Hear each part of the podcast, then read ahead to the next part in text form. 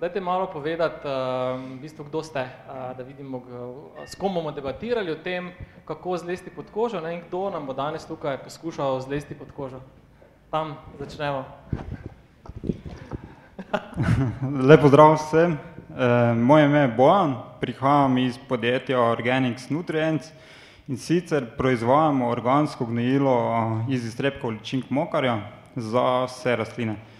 E, gnojilo je čisto organsko, naš prvi produkt, e, sedaj pa razvijamo tudi novo organsko gnojilo, tako da in pripomočke e, za naravno vrtnarjenje. Cool. Ja. Hvala. En aplauz. Uh, uh, uh, uh. Majca dol. Uh, uh, moje ime je Goran, prihajam iz uh, agencije Aritmija. Uh, načeloma se ukvarjamo v večini z brandingom in ostalimi stvarmi, ki pač spadajo zraven.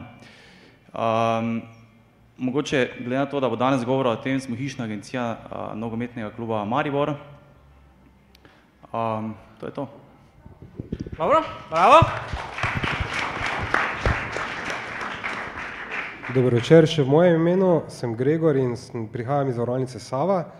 Uh, verjamem, da se vsaj nekateri spomnite tudi zavarovalnice Maribor, Tili ali katerega koli drugega imena, ampak zdaj v glavi mislim, da smo vam pod kožo zlezli z novim brandom, z novim imenom, tako smo zlezli pod kožo NK Mariboru, pa tudi Tinetu, ki je v preteklosti sodeloval v tej naši kampanji, ki smo jo pripravili zato, da smo spremenili ime, spremenili brand in bistveno se drugače predstavili kot nova zavarovalnica. Bravo.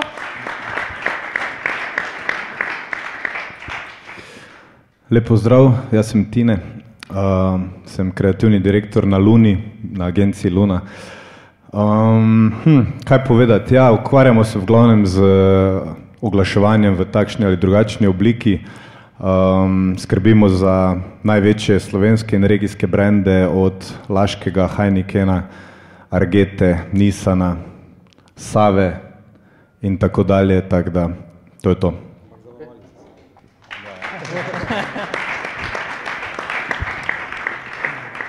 Cool. Um, da za začetek malo v bistvu se umestimo v temo, ki, o kateri bomo danes diskutirali, vprašanje za vse.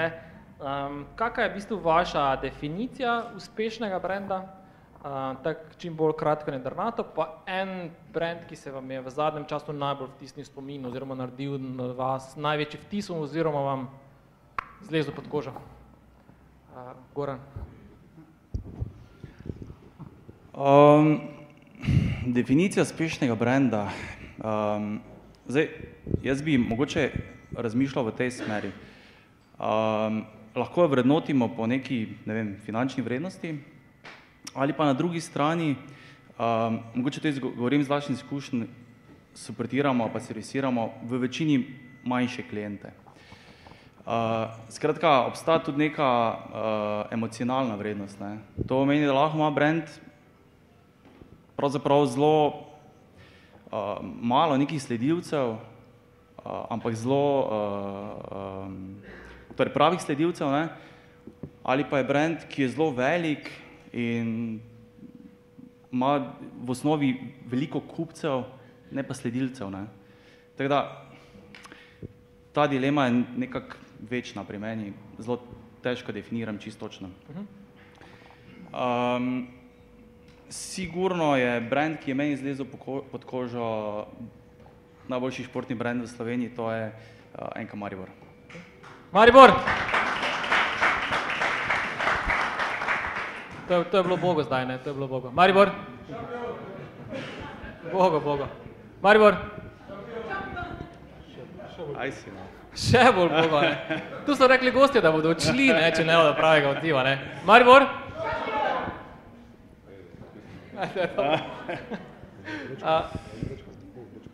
Gregor. A. A, Jaz bi najprej sploh vprašal to, kaj je to brand. Ne? Uh, ali, kaj ljudje sploh smatrajo pod brand? Ali je to logotip, ali je to celostna podoba, ali je to vem, karkoli, kar se dogaja. Uh, za mene je definicija uspešnega brenda to, da zležeš v možgane ljudi, da si top of the mind, kar nam nažalost zaenkrat še ni uspelo, ampak smo pa, kljub temu, da smo stari v bistvu na dve leti, komaj brand bo 2. novembra praznoval drugo obletnico, na drugem mestu, kar je v slovenskem zavarovalnem prostoru zelo težko postati. In uh, kaj predstavlja brand za mene in uspešen brand, predstavlja to, da nas vseh 1400 zaposlenih diha, misli in dela eno. Dela v nekih naših normativih ali pa v nekem našem sozvočju in v razmišljanju o tem, da se predstavljamo kot zavarovalnica Sava. Kdo od vas recimo zjutraj spije kavo v šalci svojega brenda? Roke gor. Ena, bravo. Dva, odlično. Evo, jaz vsako jutro si naredim kavo v šalcu svojega brenda, potem pa prijem v službo, pa mi jo sodelavci naredijo v drugo, v drugo šalco. Tako da tam do, v službi bomo mogli še malo popraviti zadeve. Ampak vseeno, uh, dajmo razmišljati o tem, da je brand v bistvu skupek ene vseh emocij, vseh racionalnih, iracionalnih zadev in da na koncu v bistvu dosežemo res eno tisto emocionalno prepričanje, da pridemo v top of the mind človeka in to je potem definicija uspešnega brenda. Zdaj pa se bom nažalost mogel ponavljati za Goranom, ne, res top of the mind brand v Sloveniji ni Olimpija, nažalost, ampak je na srečo NK Maribor in to je v bistvu brand, ki smo ga pomagali so ustvarjati zadnjih 12 let, vsaj 12 let, odkar smo v bistvu vstopili zelo močno v ta brand in zavarovalnica Sava sodeluje s tem brandom v bistvu z roko v roki. In tudi oni so na drugi strani pomagali so ustvarjati naš brand.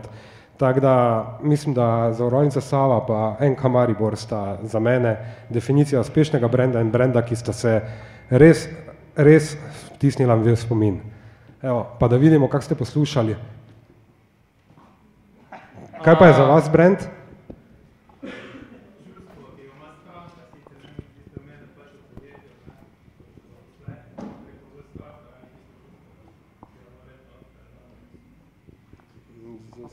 Ok, uh, bom še dal mikrofon enkrat. Uh, Čustvo, ki ga stranka doživi, ko pač pogleda uh, znamko. Ne? Uh, super za to istočnico, gli sem želel se pridružiti kolegom ob teh definicijah, ki absolutno vse drži. Daj, Leva. Um, absolutno vse, kaj so povedali kolegi, drži, ne? ampak to, kaj si ti dodal, uh, je pa še dodatno res. Ne? Skratka, ja, brendi so skupek, uh, so kompleksni sistemi, so skupek imena, podobe, logotipa, emocij, vrednot, obljub, uh, vrednosti in tako dalje, ampak za res in izključno za res živijo samo v glavah ljudi, se pravi v glavah potrošnika. Ne? In to se kaže dosti krat takrat, ko pride do neusklajenosti med tem, kak vidijo blagovno znamko tisti, ki skrbijo za njo oziroma ki jo ustvarjajo in tisti, katerim je ta blagovna znamka namenjena. Ne? Skratka, ti lahko imaš blagovno oziroma, uh, reko si, delaš organska gnojila in lahko rečeš, mi smo najboljši, najbolj inovativni na trgu, ampak če tvoja ciljna publika predvidevam vsi, ki se ukvarjajo z agrikulturo ali pa z vrtnarjenjem, kmetovalstvom, karkoli, tebe ne prepoznajo kot tako ti praviš, potem nisi naredil nič ne? in moreš pravzaprav potem z dokazovanjem in pripovedovanjem zgodb in z dokazovanjem na ravni izdelka uskladiti to predstavo. Ne? Kaj ti le, ko bomo tudi mi pili zjutraj iz savine šalčke, je naloga upravljena. Ne? Tak da, ampak že to, da pijejo vsi iz uh, Savine šalčke kavo, je pa absolutno vrhunska pot. Ne? In je to zelo po pomembno, da so vsi, ki skrbijo za brand, tudi njegovi ambasadori in to, in to čutijo. Ne? Še mogoče ti uh, odgovor na isto vprašanje? Jaz bi se tukaj strinjal z Tineto, tako da pri nas v bistvu še razvijamo našo uh, blagovno znamko, predvsem pa nam je pomembno to, da se stranka počuti kot del naše zgodbe, da tudi stranka lahko pomaga k eh, nekemu boljšemu planetu, eh, ohranjanju neke dobre, zdrave zemlje pa v bistvu predvsem to, da je neko zaupanje med stranko pa med nami kot brandom. Okay. Cool. Um, zdaj, prej ste že omenili malo v bistvu elemente blag, blagovnih znamk, ne, logotipi, slogani in tako naprej. Ne. Uh, ti ne govorim, kak pa, v bistvu, kak pa podjetje poveže vse te elemente v neko smiselno zgodbo, ker konec koncev na koncu je zgodba tista, ki, ki te pritegne, ki te vključi. Ja, absolutno je to stvar eh, strategije in pa ljudi, ki skrbijo za to, ne, ki morajo poznati te stvari, jih znati početi in biti predvsem konsistentni uh, v tem početju. Ne. Zelo pomembno je, da so vse točke stika, kjer pride posameznik v stik. Jaz zelo težko uporabljam besedo potrošnik. Ne. To, mi smo sicer trošimo, ampak smo ne na zadnje ljudje za svojimi uh, za svojimi potrebami, svojimi željami in tako dalje. Teda za, vsak, za vsako stič, stična točka z blagovne znamke z posameznikom mora dajati isti brand experience. Ne? Seveda ni nujno, da je vedno v isti obliki, če si ti na spletu, na promociji, na ne vem, neki branded content zadevi, ni nujno, da je ista oblika, mora biti pa ista duša, če tako rečem. Ne? Skratka, to sporočilo. Ne? Da, to je zelo, zelo pomembno, ne? ker če ni konsistence, potem pride do neke schizofrenije. Ne? Skratka, je identiteta blagovne znamke zelo nestanovita, nestabilna. Ne? Um, absolutno se strinjam, pri, pri tem bi pa mogoče dodal, da um, predvsem v fazi, ne, ko snuješ znamko, zelo pomembno je, komu je ta znamka namenjena, ne? kdo je njen uporabnik, kupec. Um, To je ena stvar. Druga stvar, kar se mi zdi pomembno, je to, da absolutno definiraš prednosti in slabosti znamke. Ne. In jaz vedno pravim, da je to, ko, torej, ko priješ do trenutka, ko, ko začneš pravzaprav definirati znamko, je to kot eno svetišče. Ne. Tu več ni laži, ni. Uh, skratka, um, gre za to, da moraš postaviti predejstvo res, kar je, kar je tisto, kar bo znamka nekomu um, izboljšala življenje ali, ali ne vem. In na drugi strani, kaj so te slabosti znamke? Po mojem, da ko to definiraš, um, je komunikacija bistveno lažja. Goran, lahko samo te dopolnim. Če bi mi definirali prednosti in slabosti, pa smo jih, in če bi poslušali slabosti zavarovalnice Sava v Mariboru v zeleni barvi, nikoli ne bi bilo. Ne, ne, ne, ampak vi ste te slabosti spremenili v sprednosti. Točno to, mi no, smo no, to, potem to, to, to zelo obrnili, ne, ja, ja, zelo super, super. pozitivno stran. Dobra istočnica, seveda to, tega nisem nadaljeval, ne. Absolutno definicija slabosti pomeni, da jih poskušaš na nek način obrniti v prednosti, ne. Uh, torej v prednost. Ampak kaj bi bila recimo neki taki, jaz si zdaj ne znam točno predstavljati, kaj bi bila slabost, kaj ste vi ali pa mogoče gre, kaj ste vi definirali pri vašem brendu kot slabost? Se nismo mi, vsi drugi so nam. Okay. Uh, ko, gledam, zgodba je šla nekako tak, uh, zavarovalnica Maribor, Tilija, dva hrvaška velebita se združujeta pod novo blagovno znamko. Uh, kar nekaj nas je bilo, ki smo se praktično do zadnjega trenutka borili za to, da bi kot krovna blagovna znamka ostala zavarovalnica Maribor. Uh, to vam ni uspelo po tej sliki sodečne? Ne, po tej sliki nam to ni uspelo. Evo. Ampak bom povedal, zakaj je to dobro, da nam to ni uspelo. Uh, lastniki so se na koncu odločili, da grejo pač v monolitno znamko in da bojo vse zavarovalnice po bivši Jugoslaviji, vključno z največjo, torej novo nastalo zavarovalnico, zavarovalnica Sava. Zdaj pa tak, večina Mariborčanov je takrat bila zelo negativna do tega, da bo skozi mesto, kjer teče Drava, tekla Sava, da bo največja stavba imela napis zavarovalnica Sava in na drugi strani, da bo v vijoličnem mestu logotip zavarovalnice Sava zelen. Uh, Goran ve, da že ta črtica v zavarovalnici Maribor, ki smo imeli potem, ki je bila zelena, da je povzročala zelo, zelo negativno konotacijo na NK Mariboru. In NK Maribor ima le svojih 13 tisoč obiskovalcev na vsaki tekmi uh, in tukaj je bilo zelo delikatno, kako to zapeljati. Zato sem prej rekel, da v bistvu sta oba, oba brenda tukaj delala svojo zgodbo. Mislim, da smo mi edini brend v severovzhodni delu v, v Sloveniji in pa v tem delu Evrope, ki je uspel v svoj CGP zapisati dvobarvni logotip. Imamo zelenega in tudi naš uradni logotip, ki ga uporabljamo samo na enem Mariboru, je pa vijoličen logotip.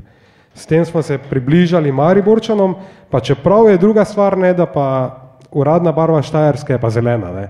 Tako da tu je zelo, zelo se krešejo mnenja. Ampak uh, ravno s tem, da smo 15. oktobra, 16 dni pred uradnim lančem, predstavili zadevo na derbijo med Olimpijo in Mariborom v Ljubljani, sredi Ljubljane z vijoličnim napisom Sava. In takrat nam nikoli pozabil, ko smo sedeli na tekmi, pa mi je predsednik rekel, če bomo zgubili, bo zgubil tudi naš brand, boš videl. Zmagali smo tri nič, tako da je se na koncu vse dobro izteklo. Cool. Uh, dej, mogoče še to, ne, zdaj, v bistvu štiri zavarovalnice, um, Slovenija, Hrvaška in zdaj, če samo katera ciljna javnost ali pa kateri potrošnik je bil neki tipični potrošnik? Prej si rekel, da moramo imeti v glavi nekega našega tipičnega potrošnika, njegove potrebe, preference, uh, čustva. Ne? Zdaj, v bistvu na tako velikem teritoriju je teh arhetipov potrošnikov milijon. Kako se zdaj v bistvu odločiti, komu zdaj v bistvu bolj brand usmeriti ali pa zapisati na kožo? Ne milijon, sedem milijonov, ne? dva milijona v Sloveniji, pa še pet plus milijonov v, na Hrvaškem. Uh, Zadeva je bila zelo delikatna, ravno zaradi tega, ker je šlo za največji merger v zavarovalniškem biznisu ever. Uh, nikoli se še niso združevali štiri zavarovalnice, od tega dve čezmejni, ampak mi smo zasledovali en cilj. Uh, cilj, da ne želimo in ne smemo zgubiti obstoječih potrošnikov, kar je bilo uh, bistveno ob tem, da imamo zelo širok spektr potrošnikov od nekoga iz spodnega kašla, ki ima pri nas zavarovan samo radio, do nekoga, ki ima pri nas zavarovano celo firmo in je zelo emocionalno bil navezan na zavarovalnico Maribor, zelo težko. Najtežje je bilo to bistveno prepričati ljudi, da bodo naslednji dan po združitvi še vedno dobili isto storitev ali pa izboljšano storitev in na drugi strani, da se bodo naši zaposleni obnašali do vseh zavarovancev enako. Moramo vedeti, da Tilija pa Maribor sta bila prej, zavarovalnica Maribor pa zavarovalnica Tilija sta bila prej največja konkurenta na trgu. Mi smo si najbolj kradli stranke. In tukaj je ravno s tem mergerjem prišlo do tega, da kak bo pa zdaj nekdo, ki je iz zavarovalnice Maribor, nek zaposleni zavarovalnice Maribor, dal ugodno ali pa dobro ponudbo nekomu, ki je bil prej zavarovan na zavarovalnici Tilija. Ne. In to nam je praktično ratalo, ker v enem mesecu nikoli nam pozabo meseca, ko smo čakali na rezultate in samo upali, da nismo padli več kot za 5%, na koncu se pa je izkazalo, da smo zrasli za 3%, tako da nam je praktično uspela zgodbo potrošnika in pa bistveno vseh potrošnikov, ki smo jih imeli in pa napadali, bistveno identificirati zelo dobro in pa segmentih. Ne. Okay. Mogoče samo še to vprašanje, na, kar se tiče na to združitev. Kaj je bil za vas ali pa za tebe kot komunikatorja, vključno z upravo, kaj je bil večji izziv, pa večji strah, v bistvu prodati brand na znoter, ne, to, kar si omenil, ali prodati brand na zven, ali pa to združitev? Uh, bistvo oboje. Oboje je imelo zelo močne stične točke, pa zelo uh, delikatno je bilo oboje, ne? ker uh, še zdaj se nažalost v nekaterih malih segmentih pozna, da so ljudje se še vedno delijo na Tilijo pa Maribor. Ampak tega je tako ekstremno malo med 1200 zaposlenimi v Sloveniji, da praktično smo to že skoraj izkorenili. Uh, definitivno smo pa najprej morali prodati brand navznoter.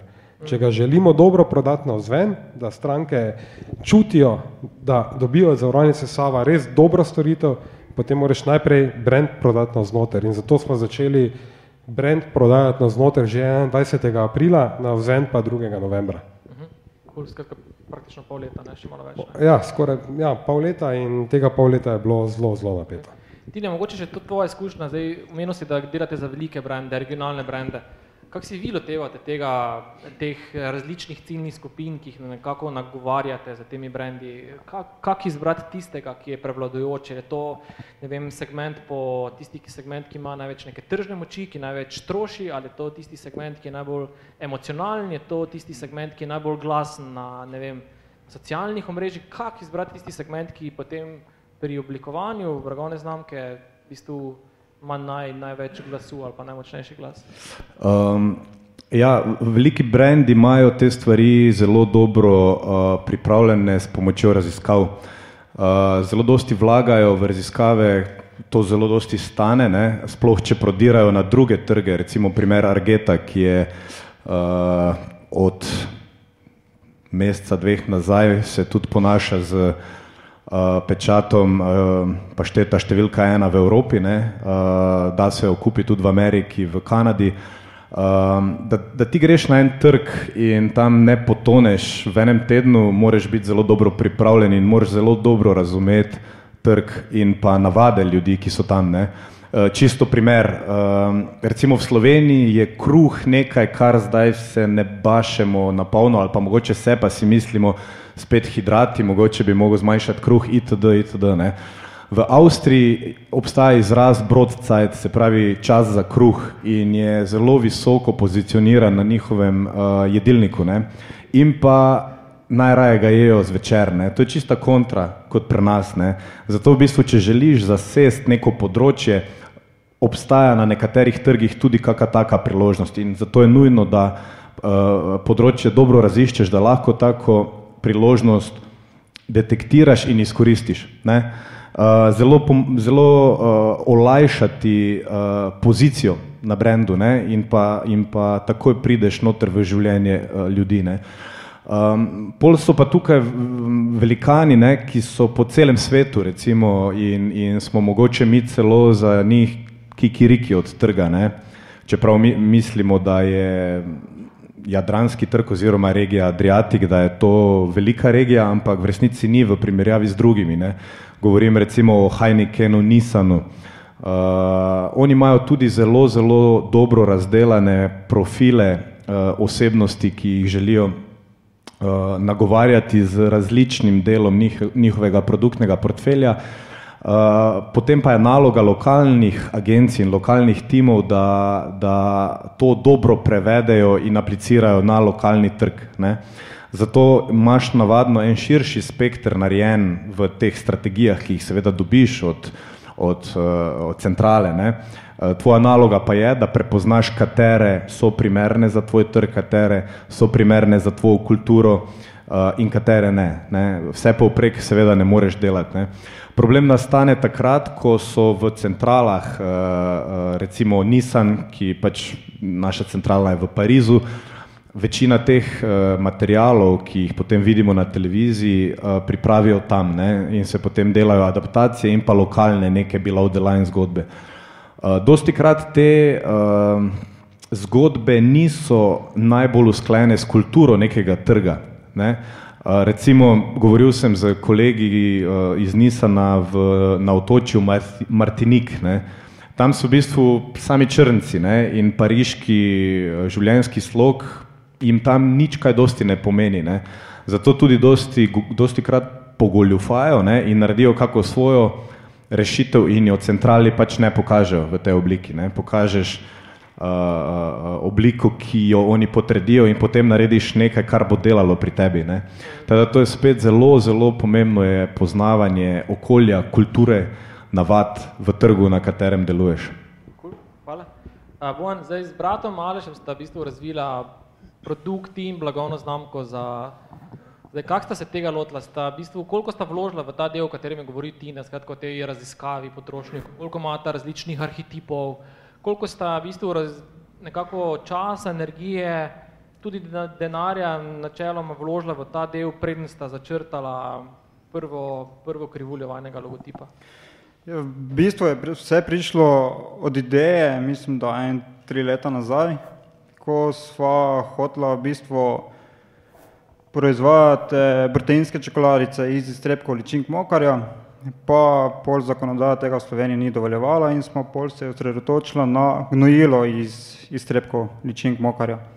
To je, ful, to, je, to je v bistvu produkta, ki sta ful blizu način. Ful blizu, ja, mislim, okay. mi smo že gojili doma mokarje, tako da smo pol iztrebku smeli ogromno, smo pol se na to osredotočili.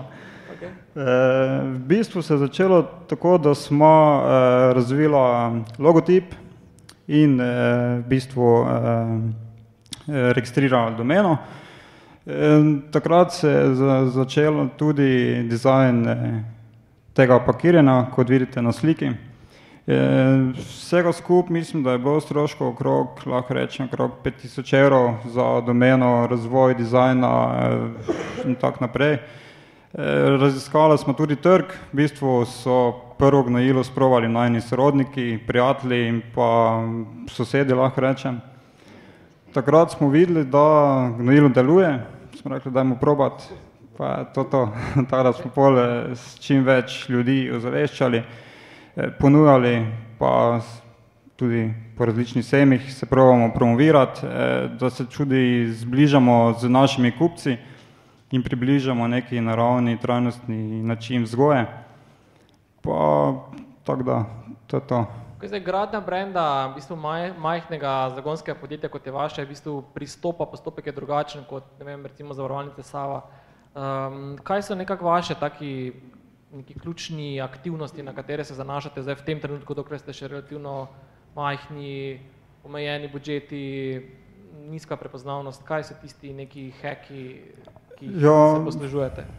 Najbo, največ se poslužujemo različnih sejmov, eh, recimo dogodkov, da se čim več prikazujemo eh, med ljudmi, eh, da se ljudem predstavljamo, da nas poznajo da vidijo, da ni to samo en navadno gnojilo, ampak tu zadaj stoji celotna zgodba. E, v bistvu pa se je začel spon, ko smo se pridružili tovarni podjemov, to smo tudi smo pridobili mentorje, to, da so nam pomagali pri najni viziji. Tako da to, to največ se nam gre do, za neko iskrenost do kupcev, pa da se lahko vedno zanesejo na, na nas, da jim pomagamo. Okay. Um, recimo zanimivost, da pač je del logotipa je rastlina, vaš produkt pa je dejansko gnojilo. Kak, kaka je filozofija za tem? Mogoče malo pokomentiraš za izbiro imena, za izbiro logotipa, kak ste se jo, Ime Big Plant je prišlo v bistvu iz velike rastline. Glavno je, ko smo z bratom eh, gnojilo najne rastline, v bistvu so to bili čili večino, so res vse rastline zelo rasle in smo pol, ko smo se pogovarjali za ime, smo rekli, če rastline tako rastejo, pol pa naj bo Big Plant. Tako da pol smo tole ime Big Plant, Organics Nutrients pa je v bistvu naša firma, pod katero proizvajamo organsko gnojilo Big Plant. Organics Nutrients pa predvsem zato, ker smo hoteli narediti neko svetovno, mislim, lahko rečem, večje podjetje, pa smo bolj že na začetku tudi dala neko tako, tako ime.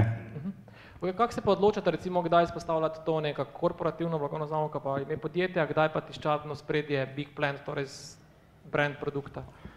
Ja, to leto smo uh, tiščala v spredje predvsem eh, gnojilo Big Plant, ker smo hotela, da čim več ljudi spozna uh, gnojilo. Uh, zdaj razvijamo tudi nove produkte, naslednjo leto stopamo z štirimi novimi produkti. Prav tako bomo vsakega posebej tudi eh, reklamirali.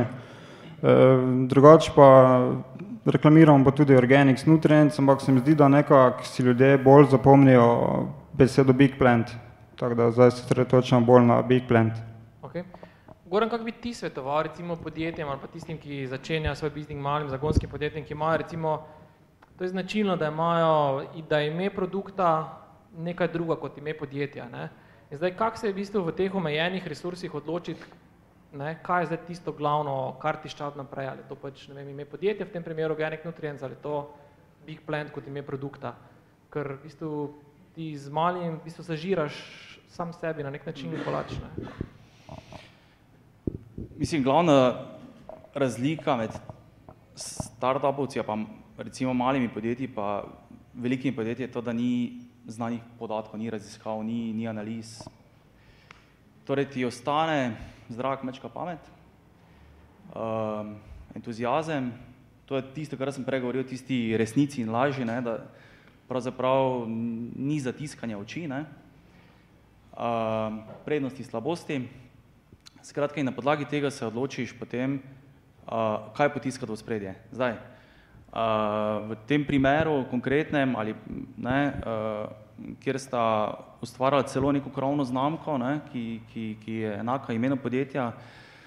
Uh, ne vem, je vprašanje, ampak verjetno v prvi fazi sigurno produktno oglaševanje, glede na to, da um, je pa vprašanje spet, kje, kje, kje se nastopa, ne, kje se znamka pojavlja, um, komu jo predstavljamo.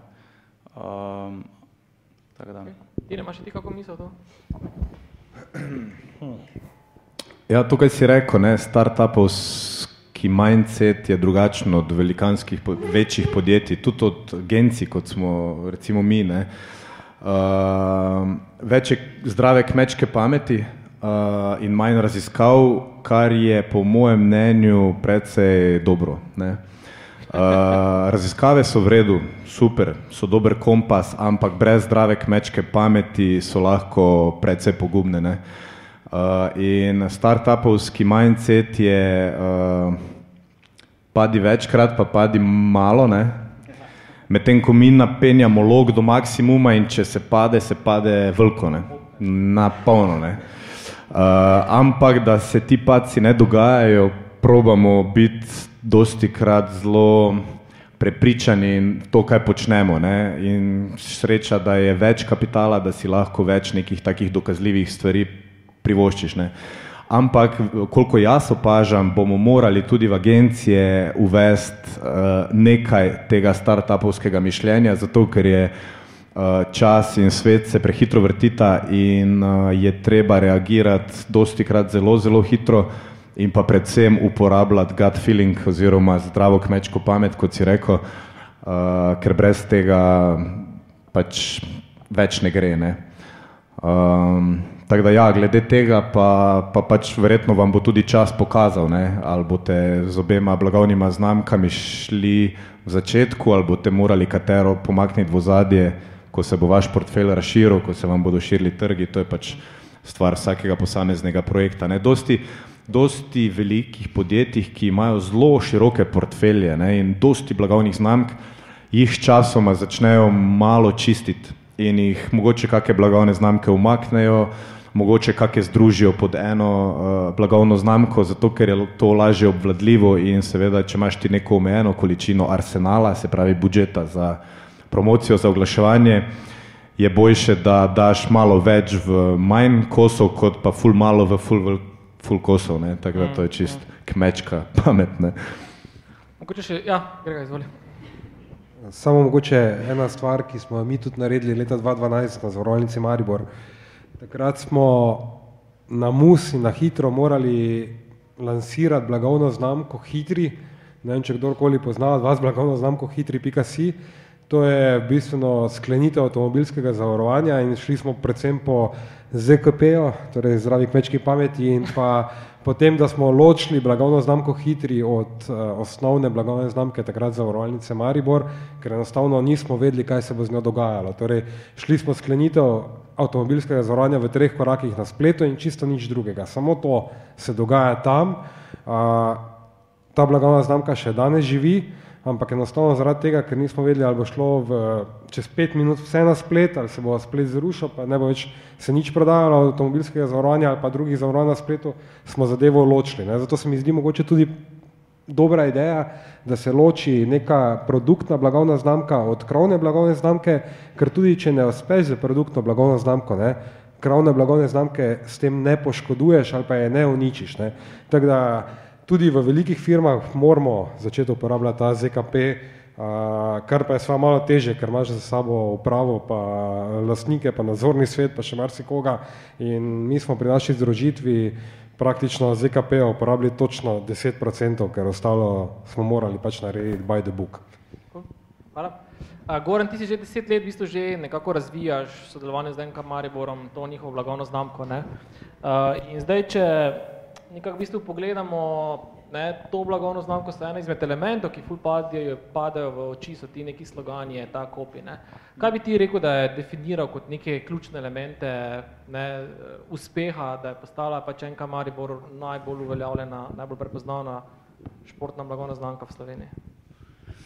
Um, mogoče je potrebno um, najprej ločiti, oziroma bom rekel, uh, enka Maribor znamka je mogoče malo drugačna od ostalih. Iz dveh vidikov. Ne. Zdaj, nekdo se ne odloča, ne, ali bo šel na desno stran v ljudski vrt, pa bo karto kupil, ali bo šel na levo stran v celje, ljudski, v celje kupiti karto. Ne. ne odločamo se. V osnovi so navijači zelo um, lojalni. Ne. Uh, da to je mogoče osnovna razlika od klasične neke blagovne znamke. Zdaj, druga stvar, ki pa je, um, zelo pomembna je, da obstaja kar precejšen del teh recimo uh, sledilcev, ne, ki mogoče se bo grobo slišalo, ampak so se pripravljeni step za to blagovno znamko. Ne. Zdaj si ne predstavljam, če bi neko, nekdo Gregorja užalil na cesti, ne, um, pa bi se zato stepli, ne, ker je...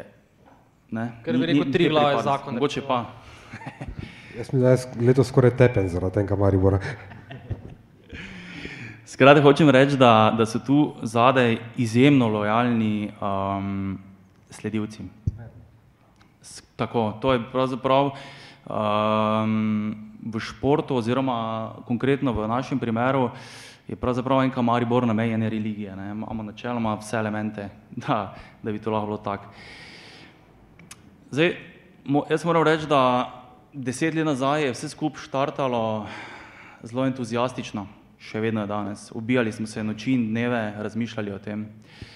Um, to je en vidik. Drugi vidik, absolutno, zakaj ta blagovna znamka postala uspešna, so športni pač uspehi. Brez tega verjetno ne bi bilo na tem nivoju. Um, tretja stvar o tem, kar je Gregor prej govoril, je pa se mi zdi ključnega pomena. Ne? Um, zdaj mi lahko pripravimo fantastične zgodbe, pa če ljudje znotraj kluba, ne govorim zdaj pa tudi igravcev, konc koncev uh, tudi športniki, ne, športni del, ampak predvsem uprava in operativa, ne, če ne verjamejo v to, s tem moke ni kruha. Um, in tam verjamejo slepo v to, vsi slepo verjamejo. Tok smo se prepričali v to, da dejansko slepo verjamemo. In um, dejansko se nam v nekem trenutku zdi, vem, da je en, en um, mislim, da je bila ena liga prvakov, uh, kjer se en napis slučajno, um, pač, um, v, v, torej gori teh sloganov, uh, se je pozabil odstraniti, mogoče ni bilo najbolj primerno, ampak zeleno je grdo. Ne, to je ta, uh, ampak nam se ni to zdelo sporno v tistem trenutku. Ne. Hočem reči, da, da smo prepričani in verjamemo v, v to znamko in vse njene elemente. Skratka, zadaj obstaja nek statement. Ne. To se mi zdi ključno. Ampak misliš, da je ta močna blagovna znamka posledica teh fanatičnih raz, v bistvu, eh, navijač oziroma te množice prepričanih um, posameznikov, ki verjame v ključ, ali je, ali je v bistvu obratno, ali je, ali je v bistvu znamka zaslužna za to množico, ali, ali je množica zaslužna za tako močno blagovno znamko? Kaj misliš, katera? Pa verjetno je komi, verjetno kombinacija. Ne? Mi moramo zelo ločiti, um, mi zelo Eh, pravzaprav se trudimo, da razvijamo ta mit o huliganstvu. Ne. Vstaja huligani v verjetno nič cela pet procentov, pa nič cela en procent. Ne. Te moramo izključiti, to nima veze ne s športom, ne s klubom, torej ne z znamko. Um, absolutno, um, če pogledamo čez strojane, ne, imamo mogoče podobno zgodbo, kjer jim ne uspe, zato ker enostavno ni, ni pristnih zgodb zadaj, ne? ni ljudi, ki bi verjeli v to ne? in posledično seveda imajo konstantne probleme z ljudmi, ki uh, pač obiskujejo ali ne obiskujejo te tekme. Ne?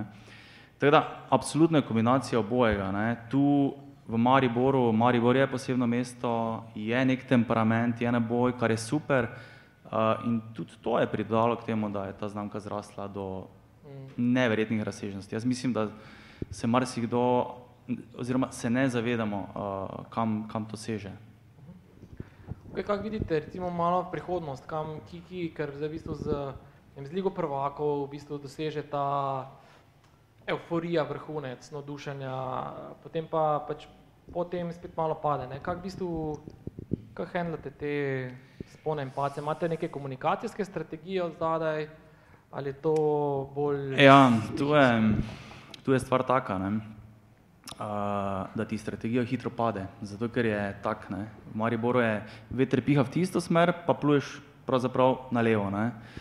Na kar se zgodi, karkoli se pač zgodi, ne, ali incident, ali, ali neki izbruh, ali neka stvar mogoče, naenkrat se obrne, poraz, v desno smer in pluje v desno, ampak to se ne zgodi v enem tednu, to se zgodi danes, je vse super, naslednji dan je katastrofa.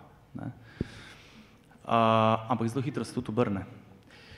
Zato pravzaprav um, se zelo prilagajamo s komunikacijo, ne, glede na stanje duha nekega uh, in to delamo sproti. Obstaja nek koncept, ki smo ga mi razvili uh, in to je nekaj, česar se držimo. To je, da je Maribor z svojimi navijači ena velika družina. Torej Maribor in, in, um, in igravci, uh, torej športniki, nogometaši, rabijo nekoga zade, rabijo neko vojsko, dosti krat poimenovano. Ne? Mm, in pravzaprav vedno nekako poskušamo s tem emocionalnim nabojem uh, aktivirati to vojsko. Ne? To je koncept, ki smo ga razvili, zdaj pa, pa je zelo odvisno od situacije. Grega, si še želel tukaj dodati? Ja, samo to, ne, da NK Maribor, pač, ker ga zelo dobro poznam tudi znotraj delovanja v stroj kluba, uh, je po mojem edini klub v Sloveniji, ki bo tudi klub, če se nam zgodijo porazi, imel še vedno več navijačev, pa vedno več pristašev na tekmah ali pa gledalcev na tekmah, kot jih bodo imeli vsi ostali klubi v prvi slovenski nogometni ligi. Ne. In to je en zelo ve, velik dokaz, da praktično nažalost v Mariboru nogomet kot taki najbolj prosperira in nogomet nas drži skupaj. Ne. Vete, v zadnjih dveh letih, oziroma lani, predvsem, ko je bila Liga prvako, je Maribor prosperiral. Mislim, vse firme, vsi gostinci, uh, turizem, vse je rastlo do konca leta. Ne. In potem spet novo pričakovanje in spet nova zadeva. In to, to je tisto, kar enka Maribor daje temu mestu, ne, da drži skupaj. To je tako kot Liverpool, recimo. Ne. Ja, kar, kar. Čekaj, čekaj, čekaj, čekaj, čekaj, čekaj.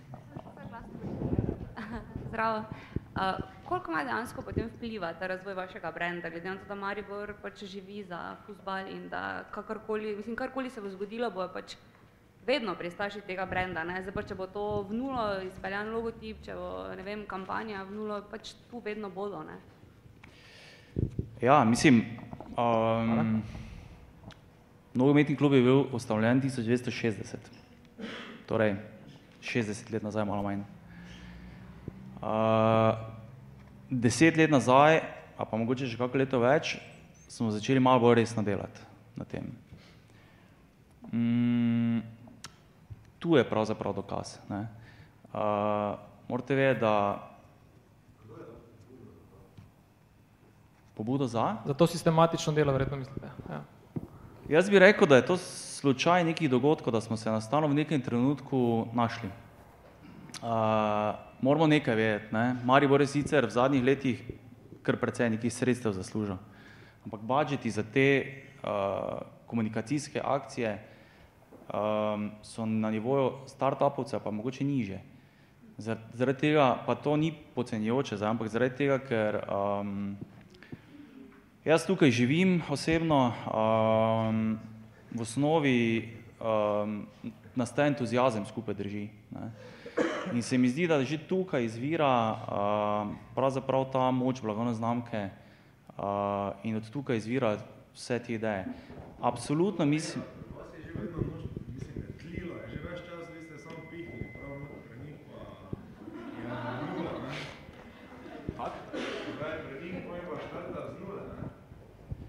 To je res, kar pravijo. Ne? Bistvo, NK Maribor je že od začetka bil nek brand, ki se je pred desetimi leti začel dvigovati, dvigovati, dvigovati in se je dvignil do tega nivoja, da praktično, uh, Maja, če te prej dopolnim, torej uh, komunikacijske aktivnosti niso samo to, kar vidite.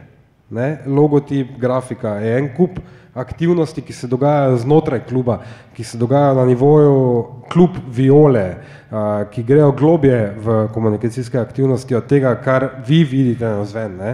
In uh, tukaj skozi tlije ne? in vsaka komunikacijska aktivnost, ki je na robe peljana, afere in tako dalje, lahko te zadeve zelo hitro pod, pač uničijo do te mere, da je na koncu, zdaj si zmislo, na mesto 100 tisoč vernikov, samo še 50 tisoč vernikov in potem spet rabiš toliko in toliko časa, da priješ nazaj na številko pravilno. Ne. Pri startupu ne, je pa zadeva čisto drugačna, tam pa začenjaš bistveno s tem, da vržeš seme, pa upaš, da bo vzklilo. Pri startupu, mislim, na splošno en to dotina, verjetno boljše, tudi mogoče Goran, vedel, da... Kak? Goran, ne? No, ona dva, zato ker pač sta iz teh agencij, uh, da moraš izhajati iz tistega why, ne pač kako delamo ali pa zakaj, ne? Mislim, zakaj delaš, da pač izhajaš iz tega nekega čustvenega bistva, zato vem Apple, kako uspešni, pa imaš dobre brende, ki delajo krasne računalnike pa telefone pa vse, ampak tisto nekaj, kar, kar da potrošniku občutek, da jih pač res obravnavaš posebno, ne? da pač... Ja. ja. Tega, tu me zanima, ne, koliko izhaja ljudi v vaše agencije iz tega vprašanja why? Pa še samo eno prej pod vprašanje. Ja. Uh, to napraviš Apple. Ja. Kaj, kaj po tvojem mnenju why? Zakaj si ti taki...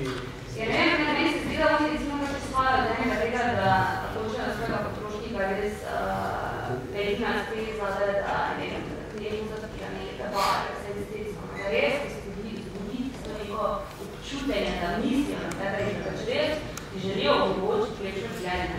In za mene zanima, koliko je, vem, pri teh agencijah, da bi jih izbereli, koliko je te pomembno, da samo mi delamo to, pa delamo dolarne manj, pa toliko pa toliko produktov letno, ali, ali se razmišljate. Ja, boljše, da se sprašujemo, ne? čeprav se marsikdo ne sprašuje vedno, ampak eh, to je ful dobro vprašanje. Uh, zakaj nekaj počet ima lahko več zatojev? Nekaj je mogoče izhaja iz tistega, ki je startup ali pa podjetje osnoval, ker ga je pač nekaj motlo in je rekel, če pač nobene zrihta bom to jaz naredil ne? in pride lahko do super zgodbe. Ne? Uh, ali je to počasna logistika, pa ti naredim hitrejšo, ne? ali je to nimam prevoza, pa pride do Ubera. Ne vem, pač kaj so vse te predzgodbe.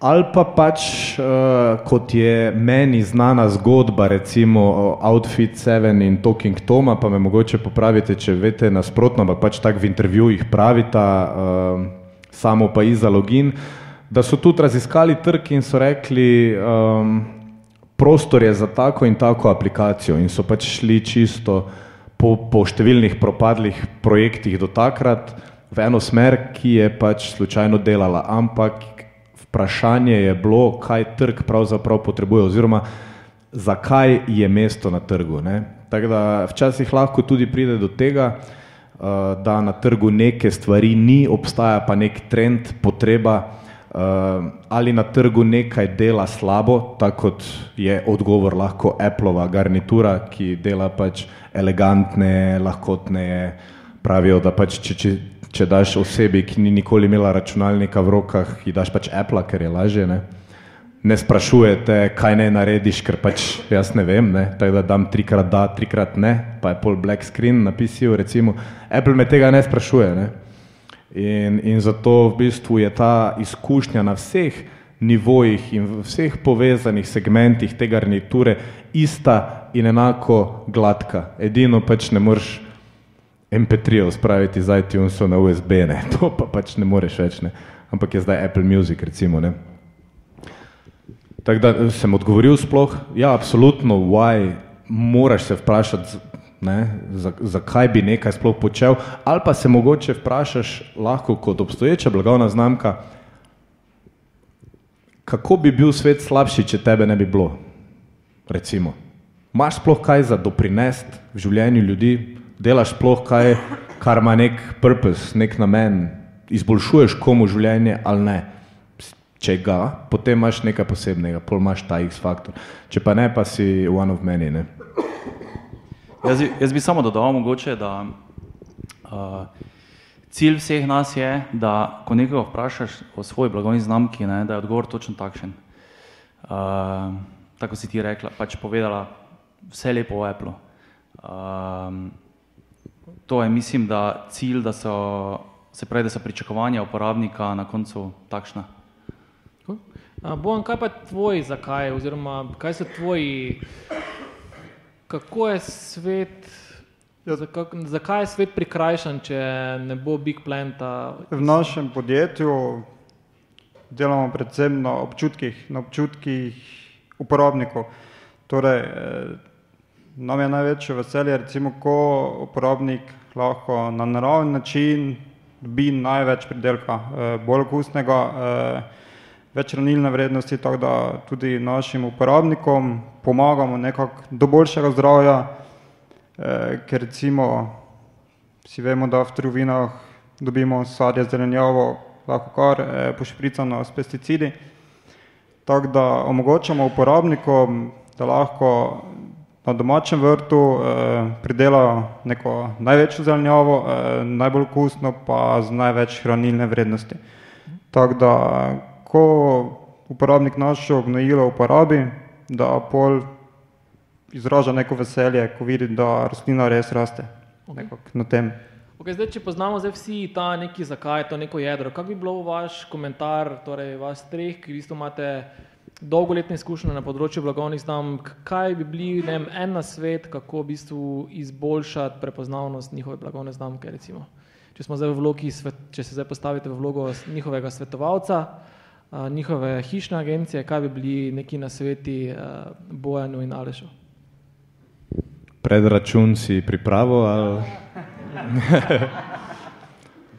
ja ne vem, ne, verjetno bi prvo šla na pivo ali pa kavo, pa bi se malo pogovarjala, ne, verjetno bi pač glede na to, da, sta, da je to neka oblika startupa, pravzaprav bi predvsem rad spoznal njiju kot osebi, da vidim, kaj razmišljata, kakšne so njune vrednote, glede na to, kaj je povedal zdaj, da je tisto veselje ob rastlini, ki jo nekdo vzgoji, sam s pomočjo njihovega naravnega gnojila uh, naredi nekaj dobrega za zemljo in zase je to eno lepo, eno lepo delo in uh, tudi absolutno produkt, ki ti pri tem pomaga. Ne? Niso vsi produkti tako lepi. Ne? Uh, tako da definitivno to, potem pa bi pravzaprav pogledali mogoče kakšne stvari za nazaj, kaj se je obneslo dobro, kaj mogoče se ni, uh, kje je še prostor za izboljšavo, uh, kdo so mogoče njihovi kupci in zakaj niso tudi tisti in tako dalje. Skratka, verjetno je še marsikaj za postoriti fantasta na, na, na začetku, koliko sem razumel in pač jaz ima želim srečo, če pa rabita, kako pivo pa z veseljem, definitivno.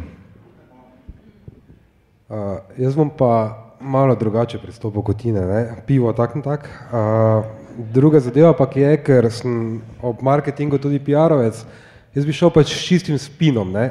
v katerem ne bi lagal, ampak bi enostavno razpalo novico, da sta boljša od Monsanta.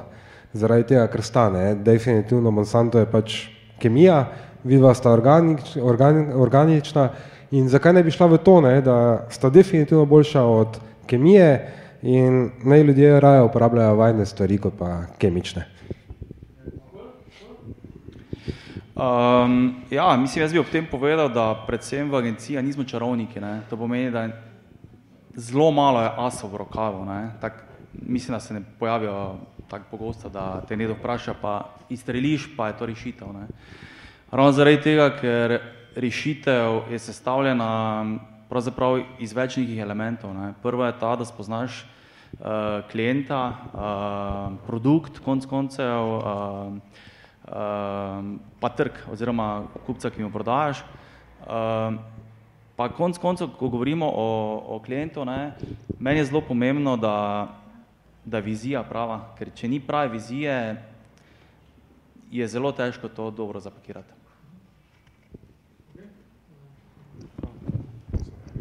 Hvala. A, ste zadovoljni z nasveti ali so bili Jaz, hvala lepa vsem, tako da vsako pomoč nam na začetku zelo koristi, tako da sem So si- hvaležen res za vsak na svet.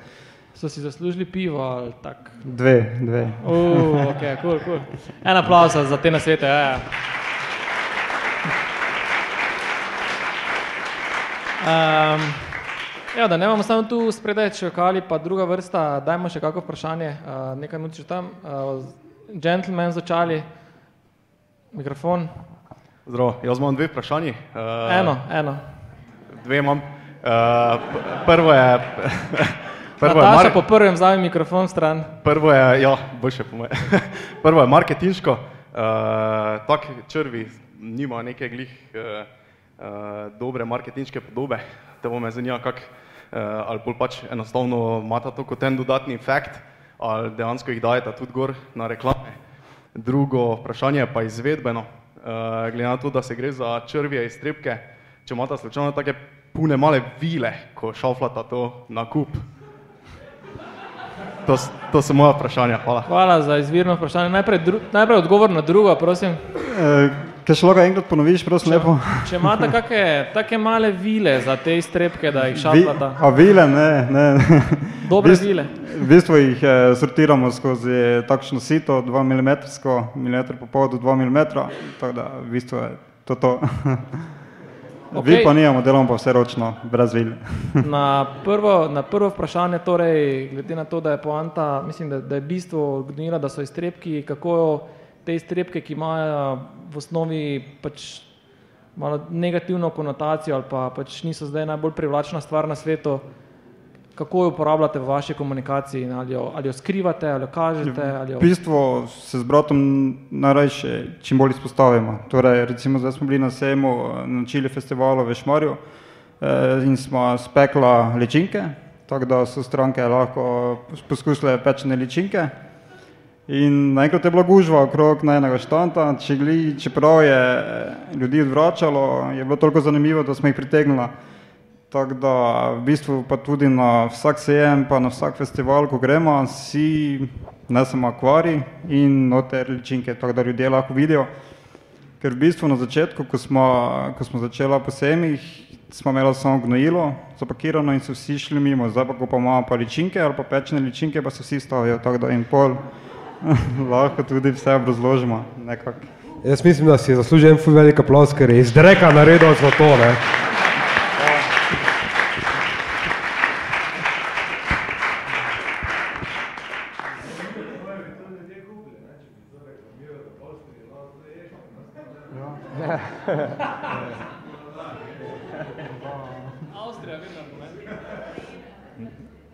Super je to, kaj je v bistvu odgovoril. Ne? Uh, biti iskren in upati si biti iskren in pokazati tisto, kaj je res tvoje bistvo, je ključno. Sploh danes, v današnjem svetu, kjer so stvari nasičene, hitro preverljive. In če imaš ti neko tako prednost, kot so tudi ne na zadnje črvi, jih povej, jih pokaži. Ne? Lahko pa še vedno v glasu daš na koncu eno lepo jabolko, ki so jih ti črvi pomagali ustvariti. Ne? Hvala, še kako vprašanje. Tam ste bili pred dve roki. Uh, tukaj spredaj Martin. Uh, vprašanje, ki se tiče tiste teme, ki ste jih na začetku obdelali, že malo uh, Save. Uh, jaz sem bil prej na zavarovalnici in Maribor stranka in Tiljen, zdaj seveda pri Savi. Razen imen zavarovalnice Maribor in Sava je bilo še kako drugo ime, potem glede barve je meni kot stranki čisto vseeno, smo fantje zelenega štarja, imamo vijolično srce, kaj ste pa vi hoteli z zeleno barvo povedati, ne vem, nam pa Hrvatom? Um, pa recimo ta zadnja stvar, je, kaj je bil razen prepoznavnosti novega imena, kaj je bil cilj, kaki imič bi naj ta znamka imela in če vam je to uspelo? Ok, bom začenjal od zadaj naprej. Uh, Imič blagovne znamke nekako odraža naš slogan Nikoli sami. Uh, torej, želimo si, da naše stranke res nikoli ne bi bile same in tudi zato smo se združili, ker enostavno v konkurenci Evrope in pa ne nazadnje tudi celotne Jugoslavije, bivše Jugoslavije, kjer so naše sestrske družbe, je zadeva uh, na zavarovalniškem trgu postala zelo močna. Veseli me, da ste bili prej stranka obeh družb, da ste zdaj naša stranka, pa sva upam, da ste zadovoljni, pa da res niste nikoli sami takrat, ko nas potrebujete.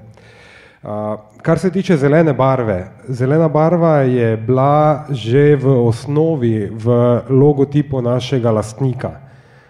S tem, da je bila drugačna zelena barva, drugačen odtenek zelene barve, ta zelena barva je nekako, takrat, ko smo jo kreirali skupaj z oblikovalci, je barva izvira reke Save v Sloveniji.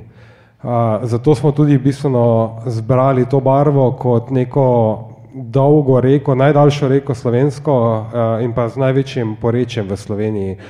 Teče pa tudi skozi ostale države, kjer so prisotne naše družbe. In pa tretje vprašanje je bilo še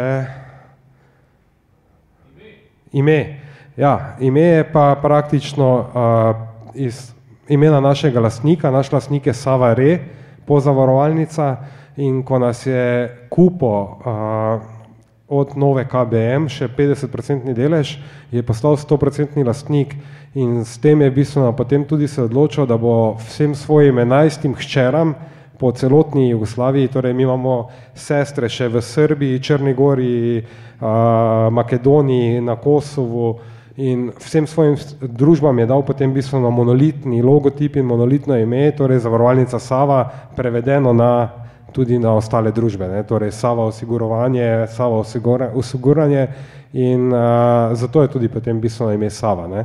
Me pa veseli to, da ljudje ne razmišljajo o tem, ko čutijo brand, torej ko so v brandu, ko jim brand zleze pod kožo, o barvi, o logotipu, ne nazadnje tudi ne o vonju tega. Ne. Sem odgovoril na vse? Ali? Ja. Ok, še kako vprašanje? Ne? Uh, dobro, mogoče jaz z nekim zaključnim krogom vprašanj. Um, kaj pa so recimo z, z pojavljanjem teh uh, um, nekih novih fenomenov uh, digitalnih medijev, influencerji, social media, Instagram, Snapchat, kak je v bistvu prijemi orodja, ki se jih prislužujete ali pa ki ste jih ugotovili, da so v bistvu ful koristni pa uporabni, da vam določena blagovna znamka ali pa da nam določena blagovna znamka bolj zleze pod kožo, mogoče tak kaki nasveti, kakšne dobre prakse, ki ste v zadnjem času opazili, mogoče kaj je pri vaših naročnikih ali pa vašem podjetju funkcioniralo, kaj mogoče ni, taki čisto konkretni nasveti, ki jih lahko delite z gosti. Mm, težko bi dal en odgovor, ker ne obstaja. Ne. Dosti krat uh, tudi mogoče kdo reče, želim viralca, absolutno ga ne moreš dostaviti, ni variante. Uh, razen, če se ogromno denarja da v njega in dobro posida in bo pač imel ogromno ogledov. Ni pa to viralec v, osn... v tem bistvu pomena. Ne. Uh, predvsem je treba vedeti to, kar smo že prej rekli, s kom se pogovarjaš, pa kje se boš z njim pogovarjal. Ne. Kje so ti ljudje, ki so relevantni za tvojo zgodbo, s katerimi želiš postaviti stik, ali so to mladi, ki so zelo, zelo aktivni, težko ulovljivi, uh, verjetno so več na YouTubu kot na televiziji, verjetno boš bolj šel v tisto smer. Ne? Če želiš malo nekega širšega dosega, recimo kot je v, v, v primeru recimo zavarovalnic in tako dalje, seveda uporabljaš absolutno tudi te stvari, ker imaš od čisto mladih do, do, do, do zelo stare, do, do bistveno starejših zavarovancev, greš tudi na televizije, greš tudi v tisk, greš tudi na, na, na, na kanale širokega dosega, ne, kot se reče. Teda v bistvu to je čisto, čisto odvisno od različnih faktorjev, ne, od tega, kaj je blagovna znamka in komu je namenjena, torej kje so ti ljudje, ne bom z njimi spostavljal stika na televiziji, če vem, da je ne gledajo, ne, ali pa ne bom spostavljal stika z njimi na YouTubu, če vem, da nimajo računalnikov, ker so prestari, recimo. Um, te stvari definira tudi budžet, ne na zadnje, skratka, uh, znotraj budžeta dosti krat delaš nek miks, ki bo prinesel največ za dan znesek. Uh, potem pa probavaš tudi nove stvari, drugačne, disruptivnejše, ki, so, ki lahko presenetijo, ne? ki grejo malo iz teh ustaljenih okvirjev, uh, grejo tja, kjer še morda noben ni bil. Uh, En tak primer je, recimo, ki mi zdaj prvi pride na glavo, pred leti smo tudi za banko, za novo KBM delali en eksperiment, en projekt z, z, z Zlatkotom in z Google očali. Ne. Takrat so Google očala bila popularna, pa hitro zamrla, ker pač je bil vprašanje uh, zasebnosti, baterija ni delala in tako dalje. Ampak je bil en val, ki smo ga takrat uspeli nekako uh, pojezditi ne, in smo pač en teden prenašali v živo njegovo življenje skozi njegove oči. Teda so mladi lahko na, na webu spremljali, kaj pač vidi Zlatko in kak je stat kot Zlatko na odru, kak je uh, dajati intervju kot Zlatko, kak je biti doma med frendi, igrati nogomet in tako dalje. Skratka, tu pride potem s pomočjo tehnologije in seveda dobre zgodbe, zatem, ker tehnologija brez zgodbe je pač samo en gadget, ne, uh, do nečesa, kar sicer ne bi mogli doživeti.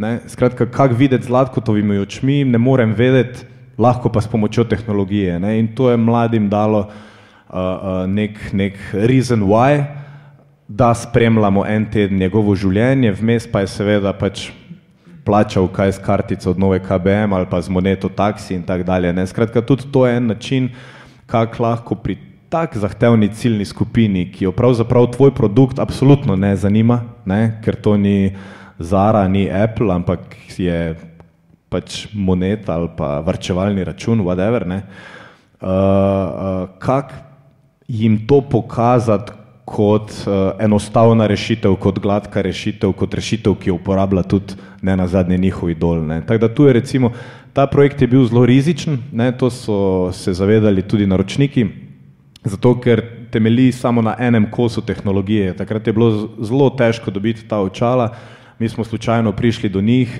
en dan pred uh, vklopom živo niso delala ne? in smo potem pač prišli nekako do tega, da so delala in k sreči so delala cel teden. Uh, se pa je na take projekte recimo treba zelo do, dobro pripraviti. Ne? Prvič to, da takoj, ko si ti live oziroma ko si tam zunaj, morajo vsi vedeti, kaj to je. Ne? Skratka je potrebna ena faza pred tem priprave. Ne? In to se je tudi potem dogajalo, ko je pač on prišel na ulico, so je mladina rekla, to so ta očala, ne? da so v bistvu že vedeli, zakaj gre. Uh, druga stvar je tehnični support, če, si, če se rokuješ s tehnologijo, ki je ne poznaš, ne? tako da je dobro, da imaš ljudi, ki to uh, poznajo. Mi smo imeli srečo, da smo odkrili enega IT-ovca na tisti agenciji, ki je pač bil pač en navaden IT-evec, nismo pa vedeli, da ima doma garažo, v kateri razvija robote, letala in tako dalje. Ne?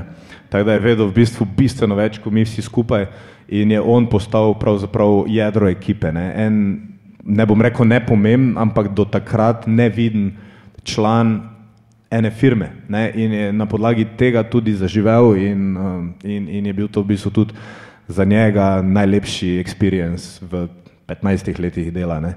Tako da to so, to so stvari, ki pa tudi uh, uh, sproti pridejo na zelo tanek let. Ne? Če povem eno anegdoto, uh, uh, uh, Zlatko je imel za nalogo, da gre v soboto na banko in pokaže, kak izi je, da si prenese račun na, na, na, na to predplačniško kartico. Ne? In zadeva bi bila ok, če ne bi bila tako napeta, ker 10 do 1 je on pač laufo proti banki in mi smo to hajpali na, na, na, na Instagramih, Facebookih, a mu bo uspelo in tako dalje. Število gledalcev je samo raslo, 100, 200, 300, 400. Ne?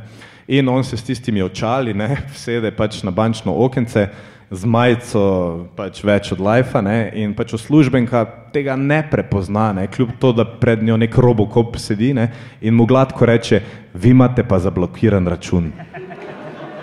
In, in mi gledamo live, ne, mi smo bili v eni sobi, war room smo rekli, vojna soba in pač 500 tistih ljudi, ki je bilo live, ne, In on, ne, valjda, da nimam zablokiran, kao, ne, to smo mi, ne.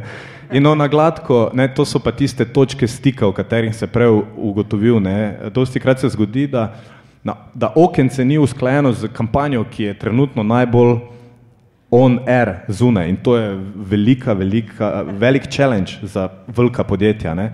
In uh, pač, oprostite, gospod, vaš račun je zablokiran, ne.